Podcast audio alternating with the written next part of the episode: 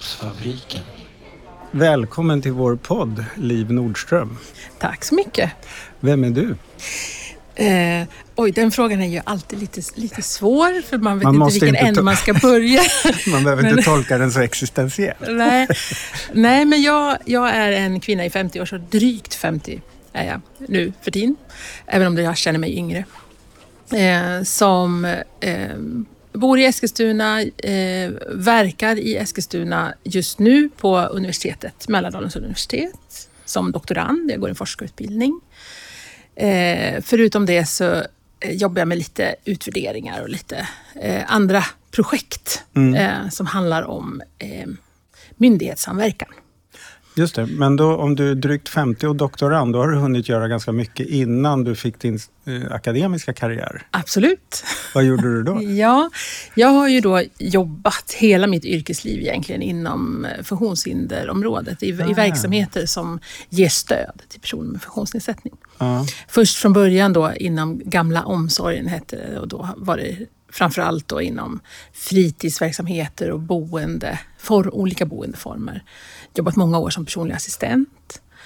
Eh, sen eh, gi- gick jag en utbildning och fick en akademisk examen inom folkhälsovetenskap och hade väl tänkt att jag skulle byta lite spår men jag liksom fastnade här. Och när man brinner liksom för en grupp människor som man känner väldigt starkt för så är det svårt att lämna det helt och hållet. Då. Så Jag blev kvar och började jobba mer med kanske verksamhetsfrågor. Hur kan vi rigga verksamheterna så att de blir så bra som möjligt? Så att stödet blir så bra som möjligt. Så jag har jobbat mycket med verksamhetsutveckling och eh, projekt som handlar om kompetens inom basverksamheterna. Då. Eh, och sen har jag också haft en period inom eh, regionens habiliteringsverksamhet som då är ett specialiserat stöd Ja, till... det. För mycket annat som du har gjort har varit på kommunal nivå då? Ja, precis.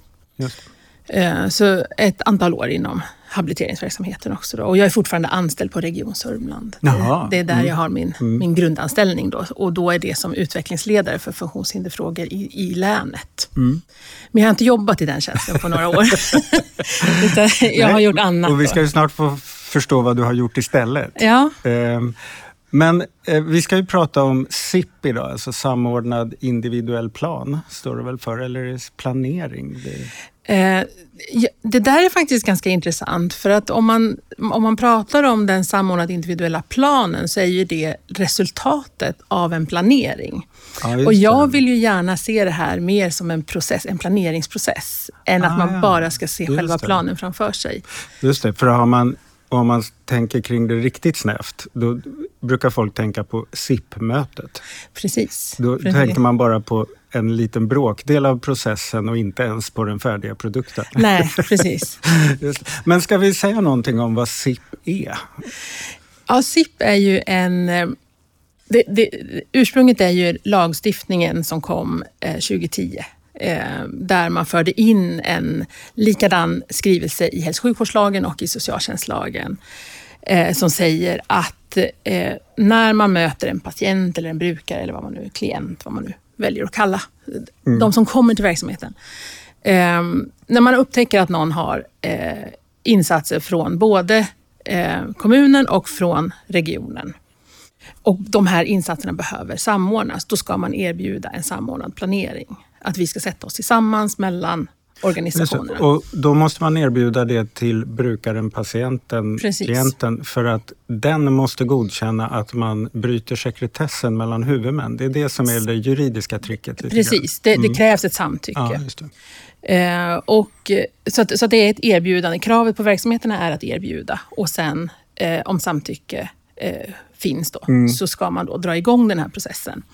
Och då handlar det om att bjuda in de eh, verksamheter som är aktuella till en gemensam träff där man då eh, diskuterar vad, hur ser det här behovet av samordning ut? Eh, hur ska vi kunna tillsammans hjälpa den här personen på bästa sätt? Och det här resulterar ju då i den här planen. Just det. ja. Som, och det är en plan som brukaren ska ha glädje av. Det är ju en fråga som, som eh, eh, när jag är ute i verksamheten, när jag möter ver verksamhetsrepresentanter eller medarbetare i både regionen och i kommunen, så vill man gärna betona att det här är patientens plan eller brukarens plan. Men själva syftet är att samordna insatser och det ansvaret kan vi egentligen aldrig lägga på patient eller brukare utan det är ju det. verksamheterna. Så jag brukar vilja säga att det är faktiskt verksamheternas plan. Men syftet är att göra det bra för brukaren. Det. Så att man ska ha brukaren med. Det ska utgå ifrån de behov som den här personen har. Men det ska vara en plan för hur verksamheterna ska kunna ge stödet på bästa sätt. 2010 sa du att man lagstiftade om det. När jag började höra talas om SIP, då hade det nog kommit till 2013 ungefär. Ehm, för då var det på psykisk hälsoområdet. SIP gäller väl alla områden? Alla områden, I, ja. Där socialtjänstlagen och hälso och Precis. sjukvårdslagen tangerar varandra. Ehm, men på vårt område så började jag höra talas om det 2013 när det som då hette PRIO-satsningen höll på. För att då hade alltså lagstiftningen funnits i tre år men det gjordes väldigt få sippar så att då i, på psykisk hälsoområdet sa man att om ni gör sippar så får ni bidrag. Ja. Eh, eh, Och det kändes ju som att, för att jag tror samtidigt både vi på brukarsidan i verksamheterna förstod vitsen med SIP. För man visste ju att det fanns massa människor som hade insatser som krockade eller man hamnade mellan stolarna och sånt där. Så att det var nog ganska lätt att föreställa sig att det här, vad det här skulle vara bra för. Men det verkar ju ändå ha varit rätt svårt att komma igång och göra det. Ja.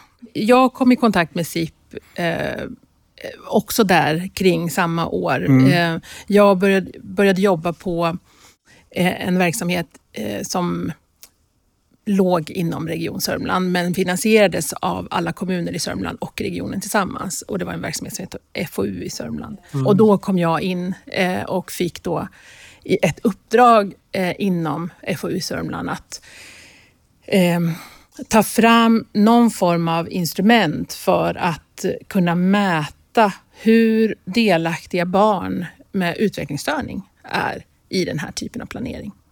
Ah, ja.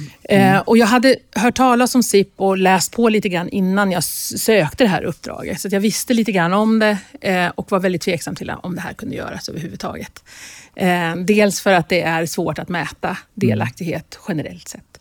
Eh, men också för att man hade en ganska klar idé hur man ville mäta. Man ville mäta genom att liksom, man ville mäta den dokumenterade planen, det som dokumenterades. Och eftersom jag då fanns inom habiliteringsverksamheten så visste ju jag att det gjordes ganska få SIP eh, kring den här gruppen barn och att de som gjordes, eh, det var väldigt sällan barnen var med. Där började min SIP-resa kan man säga, när jag jobbade väldigt intensivt med eh, att förstå lagstiftningen, förstå bakgrunden till den eh, och sen eh, fundera mycket på vad, vad innebär det eh, att vara delaktig i en, den här typen av planering. Dels en individuell plan överhuvudtaget. Vi har ju många andra typer av individuella planer i, Men också tänker jag att du var ju tvungen att reflektera över vad händer när man har en lagstiftad ambition som ska faktiskt börja fungera i konkreta verksamheter. Alltså hur långt är det där steg, steget? Kan man lagstifta om verksamheter på det viset eller eh, vad, vad händer då? För att någonting säger ju mig, med tanke på att det var svårt att få igång det här, att, att det inte är helt självklart sätt att skapa nya arbetssätt. Nej, och särskilt inte en sån här lagstiftning som egentligen inte pekar ut någon som särskilt ansvarig, utan här säger man att alla är ansvariga. Och, då, och det vet vi ju. När, när vi säger att alla är ansvariga så är det ingen som är ansvarig. Ehm, och det här är en sån lagstiftning. Man säger inte att det är eh, den här yrkesgruppen eller den där organisationen eller den där verksamheten, utan man säger att alla, alla ska- är skyldiga att erbjuda när man ser ett behov. Och man ska ta fram överenskommelser inom eh, varje län då, eh, för hur det här ska gå till. Och det finns, eh, jag, jag tror att det finns i alla, alla län överenskommelser. Jag är mest kunnig här i Sörmland. Men det är nästan så att man tänker att det är en typ av lagstiftning där man aldrig kan göra fel ändå. Eh, nej. Alltså man kan ju tycka att det här borde ni ha gjort men det är inte så att någon har, kan sä- säga alltså att eh, här har ni brutit mot lagen. Ja, det där kan man ju diskutera faktiskt. För att jag har ju då jobbat med de här frågorna ganska länge nu. Eh, Och eh, träffat mycket verksamheter, både i form att jag har varit ute och utbildat kring SIP, men också då varit och liksom, ja, men haft samtal med olika verksamheter i Sörmland, men också i andra län.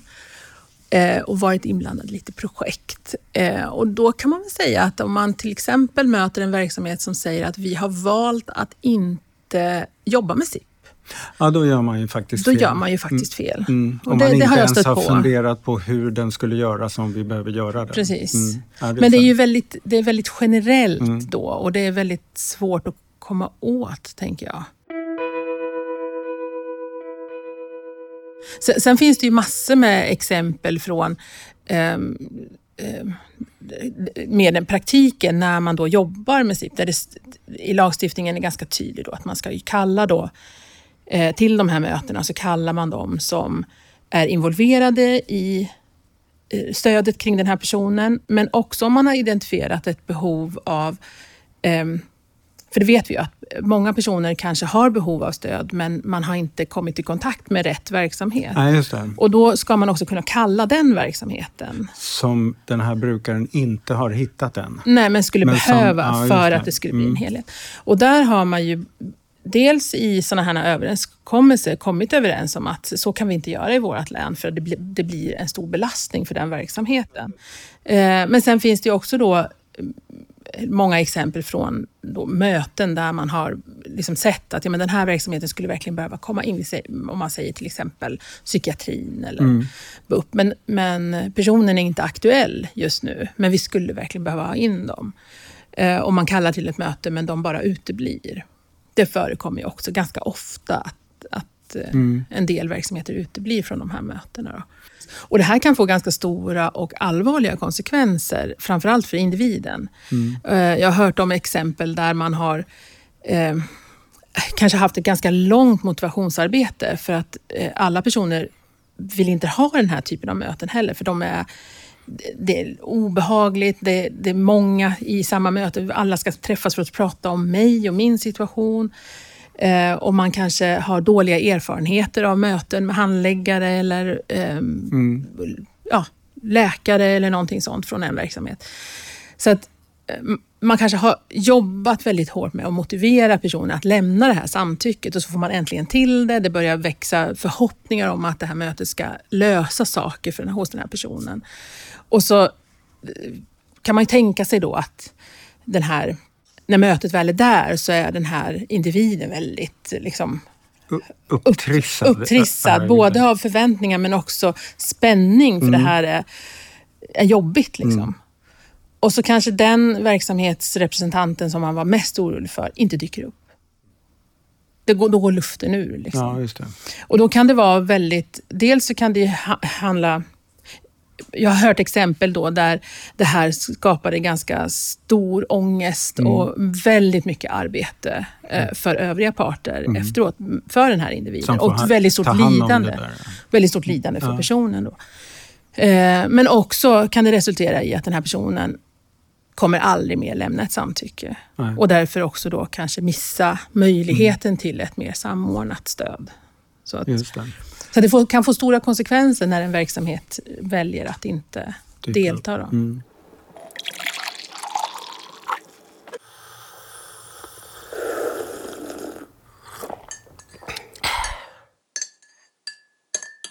Eh, I en av de studierna som jag har gjort i min, mitt avhandlingsarbete, där har jag, eh, jag har intervjuat professionella då från både region och från eh, kommunen, eh, lite olika professioner, eh, om deras erfarenheter av SIP och, och eh, att involvera individen i, i den här processen.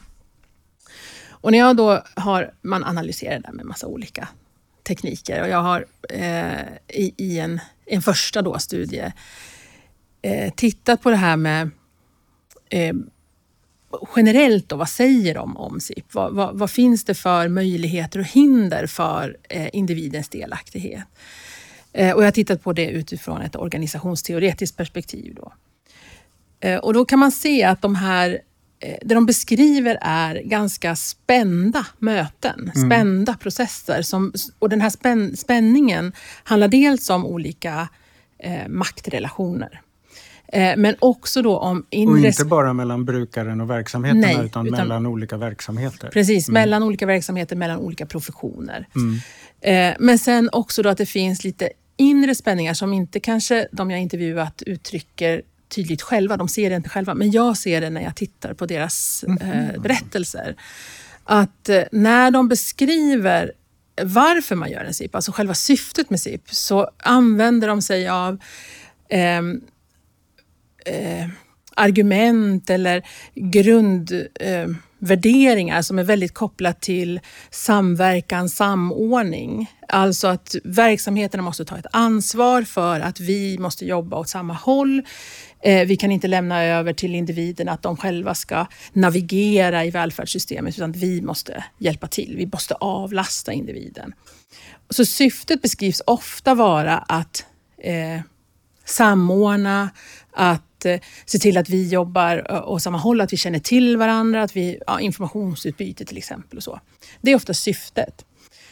Men när man sen kommer ner på och liksom diskuterar då vad, när de ska beskriva vad, vad ska vi uppnå då när vi har de här SIPparna? Då? Alltså vad är det för mål vi ska jobba mot? Då är målen ofta kopplade mer till individens eh, utveckling, en förflyttning från en situation till en ny situation. Eh, och det man använder som argument där är mer kopplat till logik eller, värden som man kan hänvisa till eller hänröra från eh, delaktighet. Att vi kan inte göra någonting om inte personen är med. Det handlar om att utgå från personens behov, personen måste vara i centrum och så. Resultatet blir att vi får SIPPar där det kan vara att syftet är att vi ska jobba bättre tillsammans mellan verksamheter. Men det vi ska uppnå, det är att personen ska ha en beteendeförändring till exempel. Och när man sen då eh, pratar om att, att när vi sen ska utvärdera, hur har det gått då? Då är det individens mål vi utvärderar. Inte kanske så mycket hur vi, för vi har börjat jobba bättre tillsammans. Nej, just det. I bästa fall kommer vi ihåg vad vi gjorde annorlunda som gör att vi Ja. kan göra annorlunda nästa gång. också. Ja, Men det finns inte några konkret uppföljning på vad vi gjorde annorlunda. nej, det. precis. Och jag, och jag kan ju då se en risk i det här att vi, vi, vi får så stort fokus på eh, personens behov och den här förflyttningen, önskvärda förflyttningen för individen. Så att vi tappar lite fokus på det som är kanske grundproblemet och det är att vi har eh, en välfärdssektor, ett välfärdssystem som fungerar som stuprör. Eh, där man inte kommunicerar med varandra, man synkar inte sina processer till varandra och så vidare. Det, det liksom tappas bort i, i SIPen. Du pratade tidigare om att du har haft ett organisationsteoretiskt perspektiv när du har studerat de här spänningarna som Ja, men precis. Men sen har du också gjort en... Ja, jag massa- blev ju nyfiken Ja. på då, för att en, en del av de här spänningarna är ju att de jag intervjuat pratar om eh, em, att man, några exempel, att man från kommunen säger så här, kommunens representanter säger så här att ja, så fort eh, de från regionen är med, då blir liksom lite pompösa möten. De blir lite mer, så, och vi måste ju anpassa oss efter dem för att vi ska vara glada att de kommer till bordet överhuvudtaget. Så. Eh, vilket jag blev väldigt nyfiken på. Att här, här, här, här låter det som att man, det finns en hierarki mellan olika organisationer, mellan olika professioner. Det här är väldigt kunniga personer jag intervjuat som har oerhört mycket kunskap och tankar kring hur man ska involvera en person som har de här funktionsnedsättningarna. Men det de beskriver är att ja, jag har den här kunskapen, jag vet så här borde vi göra, men det är inte så vi gör. Och när, när jag i intervjuerna då frågar varför, varför gör man inte så här? Och då, då kommer man alltid tillbaka till det här att ja, men i just det här, det här forumet, när vi möts mellan olika organisationer, då måste vi anpassa oss efter de andra från de andra verksamheterna Som snarare. inte har samma förståelse för hur man borde jobba med den här gruppen. nej, nej, precis. Och det här blev ju jag då Ja, jättenyfiken det på. jag. Så att jag har ju valt att använda samma intervjuer Mm. och eh, valt en, en maktteori och lägger på det här för att se liksom, vad, är, vad, vad, säger det, vad, vad är det de säger som jag skulle kunna koppla till makt. Men då tittar du på samma spänningar. Det som skaver i de här Mm. intervjuerna fast du lägger ett annat, Annat går in från ett annat håll. Precis, ett annat perspektiv. Ja. Lite mer fördjupat då med Ja. makttanken. då. Eh, och det, det, här är jag inte helt klar med Nej. än, utan jag håller på och jobbar, jobbar med det just nu. Eh, men det jag kan se så, det är ju att det, det, väldigt, det, finns väldigt tydliga exempel i deras berättelser på de här maktskillnaderna och hur de påverkar. Och en sån här eh, Eh, upptäckt som jag funderar mycket på hur jag, vad jag ska göra med och hur jag ska hantera det, det är ju det här att på de här mötena så finns det då eh, representanter från både kommunen och från regionen. Det kan också finnas från Försäkringskassan eller beroende på vilka frågor som man diskuterar. Men det är kommunen och regionen som SIP gäller. Eh, de som sitter på det här mötet kan ju då komma från olika verksamheter, ha olika professioner. Eh, och det jag har sett i de exemplen som tas upp i intervjuerna så är det så att de som jobbar nära individen, det är oftast då boendestödjare eller en undersköterska på en vårdavdelning som också finns väldigt liksom i vardagen med mm. den här personen. De lär ju ofta känna personerna bättre, vet hur de här personerna funkar, hur de behöver information på bästa sätt, hur man ska göra anpassningar på bästa sätt. Men den gruppen av professionella har väldigt sällan något mandat över SIP-mötet. De eh, följer ofta med som stöd till individen eller att bidra med någon slags information och så, men de har sällan en, en, en uppgift eller en roll. De är inte självklara i mötet heller.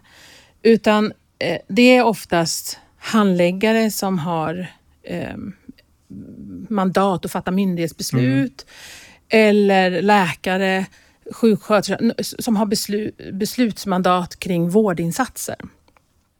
Eh, och är en läkare med, så, så, det var någon som sa, är en läkare med så har läkaren alltid sista ordet. Men läkaren kanske är den som träffar individen minst, mm. kanske aldrig har träffat individen ens en gång. Eh, och de här mötena, utifrån de berättelserna som jag har hört, så tycks det som att de här mötena anpassas mest efter de som känner individen minst. Vilket innebär att delaktigheten för individen eh, är en ganska liten faktor när man planerar mötena och mm. riggar de här mötena. Och vad det där betyder och hur man ska tolka det, det, det där är jag i tanken nu.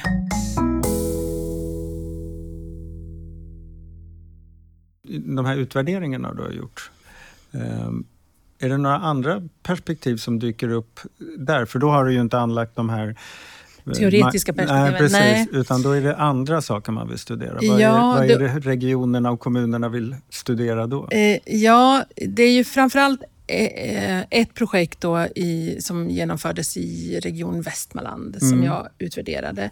Och då var det en utvärdering som Utvärdering kan göras på lite olika sätt. Eh, det här var en utvärdering där jag som utvärderare var väldigt involverad i hela processen. Och så mm. att jag återförde hela tiden till projektgruppen så att det jag samlade in användes i projektet. Okay, det, eh, det är den mm. typen av utvärderingar som jag tycker om att göra. Ja, för, det för då är man ett, med och utvecklar också. Ja, det mm. blir ett lära, gemensamt mm. lärande i det. Och där, det var ju ett projekt där man satsade på att inrätta ett antal tjänster som skulle hjälpa kommunerna och regionen med att utveckla, utveckla kvaliteten i SIP. Det var fokus på kvalitet istället för kvantitet. Eh, och där blev det ju, eh, och det här tror jag är ganska, jag tror att det är i fler län som man har en hel del diskussioner kring det IT-stöd som eh, man har upphandlat då, eller använder för SIPparna. Mm. Och då är det oftast IT-stöd som man använder för att kalla varandra till de här mötena och man använder det också till att dokumentera SIPparna. Eh, och de, det här IT-stödet, man, man, utgår ifrån att det här ska vara ett stöd i SIP-processen, att det ska bli enklare att kunna kalla till mm. de här mötena och att man har en gemensam dokumentation ska också hjälpa. Så. Och så var det ju också då i, i Västmanland att det här IT-systemet som fanns där, eh, man, har, man kanske, även det har lite svårt, man har lite svårt att få igång det, mm. användningen av det. Och det finns en massa olika finns skäl till det. Eh, och dels är ju IT-system ofta lite mer fyrkantiga än verkligheten ser ut. Eh, och min erfarenhet av SIP är att man behöver jobba väldigt flexibelt. Även om lagstiftningen gäller för alla, eh, alla typer av grupper, alla olika typer av problem, så blir ju eh, själva processen och pla planen, den blir ju, kan se väldigt olika Mm. ut. Både mellan individer och mellan områden och vilka verksamheter Ja. som är inblandade. Ja. Och sådär. Så man behöver ha en, en väldigt stor flexibilitet Mm. i rutiner och IT-stöd. Eh, och den flexibiliteten saknas ofta. Och så var det här också. Så att det man gjorde i det projektet var ju bland annat att jobba med att göra IT-systemet lite mer ändamålsenligt och att hjälpa verksamheterna att börja använda IT-systemet. Eh, många gånger så låter vi IT-systemen styra verksamheterna. Ja, just kring SIP så tycker jag att det har varit slående ibland. För jag har ju kommit till regioner där man sagt nej men vi har inte kunnat börja med det här än för vi har inte IT-systemet på plats. Ja men lag, lagen gäller. Ni Ja. får skriva på papper om det är så. Alltså, det är som att man tänker att IT-systemet är lite viktigare än lagen. Ja, alltså- och syftet med varför vi finns till. Nej, och ja, precis. Och jag, jag tänker vi, vi skickade ut en, i det projektet skickade vi ut en enkät till alla medarbetare som var involverade då från både kommun och region. Eh, och där, eh, nu kommer jag inte riktigt ihåg hur frågan var formulerad, men, men de, de ombads då att eh, ge sin, sin definition. Vad är en SIP? Så. Eh, och den här frågan har jag ställt i andra sammanhang också och man får ofta lite olika svar. En del hänvisar att det är en lag. Eh, eh, andra säger att det är den här planen. Eh, eh, och då kan det vara en mall, en pappersmall som man säger. Som man ska fylla i. Ja. Eller att det är IT-systemet, att det är det som är SIP. Eh, och sen finns det oftast en mindre andel som pratar om att det är en planeringsprocess. Eh, Det som du helst det som jag helst se. skulle vilja se att alla ser det som. Ja, just det. Eh, och just i det projektet så kunde vi se, för vi gjorde en enkät också i slutet på projektet, där kunde vi se att det var fler som svarade på det sättet i slutet. Så att man Ni hade, hade ändå nått ut. någonting. Ja, det hade ändå nått ut en del. Så. Ja. Ehm, och att man, men just det här att man ser det också på olika sätt gör ju att det också kan bli svårt när man väl möts på det här mötet. Man kallar till det här mötet, man träffas och så sitter det en person där som förväntar sig, nu ska jag få hjälp I min, plan- i, i min, mitt liv. planeringsprocess. Mitt Ja, just liv liksom. Ja. Och så sitter det då någon från regionen som tänker att ja, men det, det, är, det är den där planen vi ska skriva. Någon annan de tittar på IT-systemet, ja vi ska fylla i allt det här. Och en tredje tänker att oh, nu ska vi äntligen få till en, en, en plan för hur vi ska samarbeta under flera år kring den här personen. Så man har väldigt olika bilder. Då är det lätt för brukaren att känna sig lite vilsen när man går därifrån. Ja, precis. Mm. någonting annat som också kom upp, för där hade vi lite sådana... Vi träffade referensgrupper med anhöriga och eh, brukare då. Ehm, och det som kom upp där var det här att man... Den erfarenhet man hade var att man inte riktigt ehm, hade nu känner jag att jag kommer använda lite hårda ord, men man hade inte riktigt förtroende för eh, de professionella.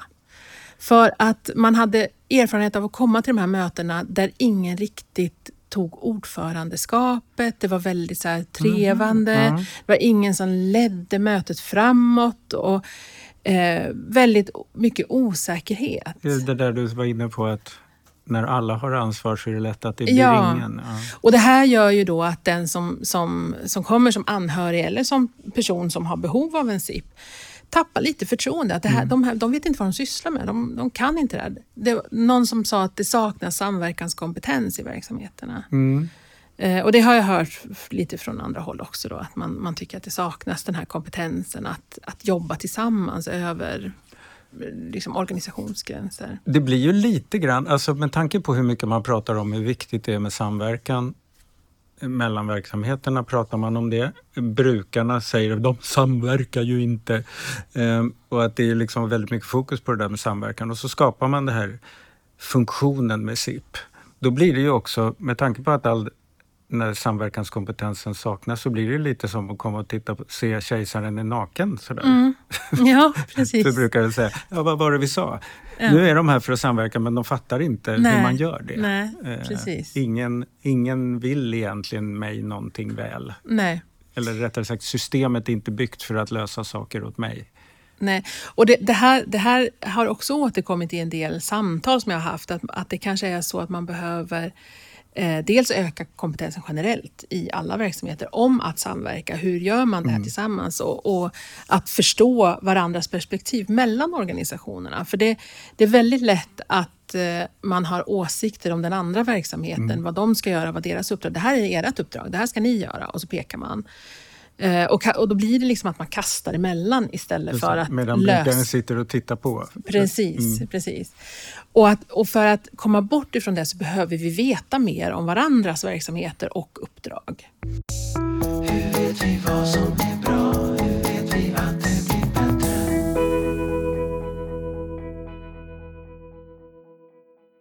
Har du funderat på mer konkreta saker som du tror skulle behövas för att göra just själva SIP bättre eller mer funktionell idag än vad den Mm. är? Jag, jag vet inte om det är så enkelt, men, men jag önskar att man, man försökte eh, lösa upp de här knutarna som skapas kring SIP. Det här eh, att det är så skarpa rutiner, hårda riktlinjer, att det blir så formellt. För att om SIP ska vara ett ändamålsenligt instrument för samordning så måste man kunna vara flexibel, man måste kunna anpassa. Och det här betyder att vi behöver lämna över väldigt mycket mandat till de personalgrupper som jobbar nära individerna. Som behöver vara involverade och eh, som vet hur man behöver göra de här anpassningarna. Eh, och för det så krävs det mer lösa rutiner. Och jag tänker att det, det är ett dilemma i sig. För att eh, personalgrupper vill ofta ha tydliga riktlinjer och rutiner för att, för, kring sånt som man blir osäker kring. Och SIP är någonting man är osäker kring. Och därför skapar man, så här ska vi alltid Ja, göra. väldigt Ja, detaljerade rutiner. Just Så här ska det gå till. Då. Nej, för jag tänker att i de fall där personal är bra på att samarbeta, där behöver man inte göra några SIPar. ju. Nej. Så det, det är ju liksom brukare som har eh, bra koll på läget. Det kan ju ofta bero på att de olika verksamheter jag har behov av redan har en bra kommunikation. De är flexibla. ja. Det finns någon slags tillit till folk. Precis, och det, och, det- och det krävs det. För att kunna Mm. jobba tillsammans behöver man det. Jag tror att det är... Eh, jag, jag, jag, sitter, nu sitter jag då och tänker så här, men hur svårt skulle det vara? Det är klart att det skulle kunna gå. Mm. Och det finns ju exempel när det har fungerat alldeles utmärkt. Jag har hört flera sådana eh, berättelser Mm. från både personal och från brukare där man har haft en SIP man har lyckats lösa trådar, man har lyckats kommit överens om att så här ska vi gå vidare. Och det har gått framåt för, för den här personen. Så det är klart att det går. Men jag, jag, jag, de, om vi säger så här, jag, i ett av projekten som jag jobbar i, det här första jag nämnde kring barns delaktighet. En del av det var att jag tog fram en massa dokumenterade sippar, riktiga från journalsystemet, för att se hur ser de ut, vad innehåller de? Eh, och jag kan ju säga då att de som var skrivna i verksamhetens mall, de var okej. De, var liksom, de innehöll rätt så adekvat information om man skulle titta på utifrån det jag var intresserad av.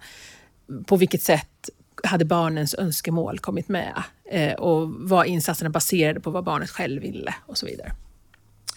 Eh, de som var skrivna i IT-systemet, de var skit. De innehöll inte alls någon adekvat information. De bästa, det var de som var inskannade och handskrivna på ett koll kollegieblock. Eh, och jag har funderat mycket på det där, liksom varför. Jag, och jag tror att det är så att den som höll i de mötena, det här var en person som var väldigt trygg i den här typ mötesformen. Eh, hade ganska klart för sig vad är det vi ska prata om, vad är det vi ska komma fram till, vilka, vilka trådar måste vi dra i. Och sen utgick mötet ifrån eh, ett samtal mellan alla parter. Där vi liksom diskuterar hur ser situationen ut och vad är problematiken, vad behöver vi göra? Och, då, och sen anteckna ner, vad är det vi kommer fram till här? Och inte är låst vid att vi ska fylla i en massa rutor och sådär. Och det där tänker jag, eh, jag, jag tror att det där är en viktig nyckel, att liksom slappna av lite grann. Ut, liksom vara i mötet med människorna som sitter på mötet. Ja, Just det. Man skulle vilja ruska om folk och säga var trygg. Ja, var, var trygg. Jag vet inte om det är rätt sätt att ruska om dem. Det men- kanske inte är det. Fast, men fast jag tror ibland så glömmer vi, Mm. glömmer vi att vad, vad handlar liksom all, allt det här arbetet om i hela välfärdssektorn, både inom Mm. hälso och sjukvården och i, i socialtjänst. Det handlar om människor, det handlar om möten med människor. Och om vi inte är närvarande i mötet och liksom tar det för vad det är Mm. här och nu och lyssnar, är nyfiken. Och jag tänker, föreställer mig att alla som har valt att jobba inom de här sektorerna har det intresset, annars skulle man inte jobba här. Så jag tror att de allra flesta har det i sig. Men, men man har blivit så eh, ehm, påverkad av alla, alla de här reglerna och rutinerna och man är så rädd för att göra fel. Så man har glömt bort, vad är det här? Vad, vad gör jag här? Så. Och jag önskar att fler kom, kom dit och kände sig trygga i det. Att det gör ingenting om jag råkar skriva i fel ruta eller att jag kryssar fel. Bara det här mötet blev bra. Och kommer alla till ett SIP-möte med den, den attityden, den inställningen, så tror inte jag att SIP-mötet kan bli fel. Och det skulle ju då kunna vara det här du pratade om som är samverkanskompetens. Ja. ja. Sen, sen tänker jag på det här med, som jag nämnde innan, med att syftet ofta handlar om liksom, problem i strukturen, problem i, i vårt samarbete, medan målen ofta blir form- formulerade utifrån individens behov av en, en förändring. Eh, där har jag klurat ganska mycket på att vår, fall det vore värdefullt att i SIPen också formulera mål för vårt samarbete mellan verksamheterna. Att det Jag också tycker finns... det låter som att man borde det. Ja, för då, för då blir det också fokus på strukturproblemen Mm. som vi behöver lösa i en SIP kring just den här individen. Hur ska vi samarbeta kring just den här personen? Mm. Hur ska vår kommunikation se ut? Just Eh, det. ja. Och, och det är ju en del av SIP-processen som man inte behöver trötta ut brukaren med. Nej. Utan Nej. då kan man lösa de sakerna och sätta mål för det Mm, eh, för sig. Precis. Så att man kan vara mer effektiv i det som ska ge effekt för brukaren sen. Ja. Mm. För det lite knixiga med SIPen idag är att man trycker in organisationsproblemen i samtalet med brukaren. ja, och utan att lösa dem. Ja, just det. just det. Vi, målar upp dem väldigt tydligt Ja. för brukaren så att du ska Ja. förstå att det här kommer inte gå bra. Och det där tror jag också man kan, kan jobba väldigt flexibelt kring. För att jag, det har jag ju hört från vår, några av de brukare eller patienter som jag intervjuat, att, att man, man skulle gärna vilja höra den typen av diskussioner, hur ni löser Mm. ert samarbete mellan de här två verksamheterna. För att jag hamnar oftast emellan och jag vill vara med och lyssna hur ni löser det. Ja, det. Medan andra säger att ja, men löser jag skiter i hur. Så. Hör av er när ni är klara. Ja, men precis. Och det där tänker jag att man behöver vara flexibel kring, för det handlar också om respekt och involvera personen i det som är lämpligt och eh, önskvärt att bli involverad i. Är det något nu, nu är ju du fullt upptagen med det du håller på med och som du redan har lagt ut en plan för. Men är det, är det något sånt där som du tänker bortanför det du har tittat på nu som du skulle vilja titta på kring det här med... Ja, det är, massor. Vilken, förlåt, jag tar tillbaka den frågan. Jag glömde ju att det var till dig jag ställde den. Ja, ja nej, men det är klart att det finns ju massor som man skulle vilja titta lite närmare. Jag, dels blir man ju nyfiken på saker man har hittat i det man studerar just nu, som man gärna skulle vilja fördjupa. Eh, till exempel, hur, har, alltså hur ser implementeringsprocessen ut när man tar en sån här lagstiftning och sen ska implementera den verksamheten? Som du säger, det har tagit väldigt lång tid. Det funkar fortfarande inte fast den har funnits i 13 år. Vad är det som påverkar den här implementeringsprocessen? Hur ser den ut? Och, och så vidare. Sen är det en annan fråga som ofta tycker jag kommer upp och som många frågar efter. Det är att hur många SIP görs? Vi har inga sätt att mäta, vi har liksom inget system där vi kan fånga upp det här. Men ändå så, så pratar vi mycket kvantitet, att det görs inte så många som det borde. Hur vet vi det om vi inte vet Ja, det kanske inte gör? behövs göras fler. Nej. Mm. Eller skulle, skulle, är det så att vi har en stor grupp människor som aldrig blir erbjudna SIP fast de borde? Mm. Det, det tycker jag också skulle vara jättespännande. Det är ju Jättesvårt, men spännande att liksom... Ja. Ta reda på. lite i det där. Ja. För att det är lätt, ja. Eh, se- sen, sen handlar det ju om det här med vad händer sen då? Att, att få till det där mötet och få till en bra plan, det är ju en sak. Men sen då? Vad, hur blir det sen efteråt? Kommer, ger det här någon effekt överhuvudtaget? Blir det bättre samverkan mellan verksamheterna? Blir det bättre för brukarna? Och följs SIPen upp överhuvudtaget? För det, för det har ju också då, jag har ju då också studerat några sådana SIPar som har skrivits. Och det, läst på några, är inte helt ovanligt att man skriver då vid uppföljning, det finns ju då en ruta Mm. för uppföljning Ja, i systemet. Eh, hur ska uppföljningen se ut? Var och en uppföljer upp sin del. Vart, vart är Så samordningen i det? Ja, vart, var, Ja, var är samordningen? Vart är samarbetet i det? Ja, Mm. precis. Eh, Så det skulle också vara spännande att titta på. Hur följs det här upp då? Och, ja, Mm. på, hur gör man och hur ofta gör man det? Och vad är det man ser vid uppföljningarna? Men det är ju tur att du är så ung fortfarande då. Jag, jag vet inte. jag skulle börjat med det här mycket tidigare. Men Ja, först var du ju tvungen att få ditt, Intresse. säga, ditt intresse och ditt patos. ja, precis. Annars hade du aldrig kommit till akademin tror jag. Nej, nej det, det, det, det är lite så. Man går lite olika vägar. Jag har ju gått liksom praktikervägen och hittat mina intressen i, Mm. i liksom arbetet jag har gjort och sen känt att nej, men här saknas massa kunskap.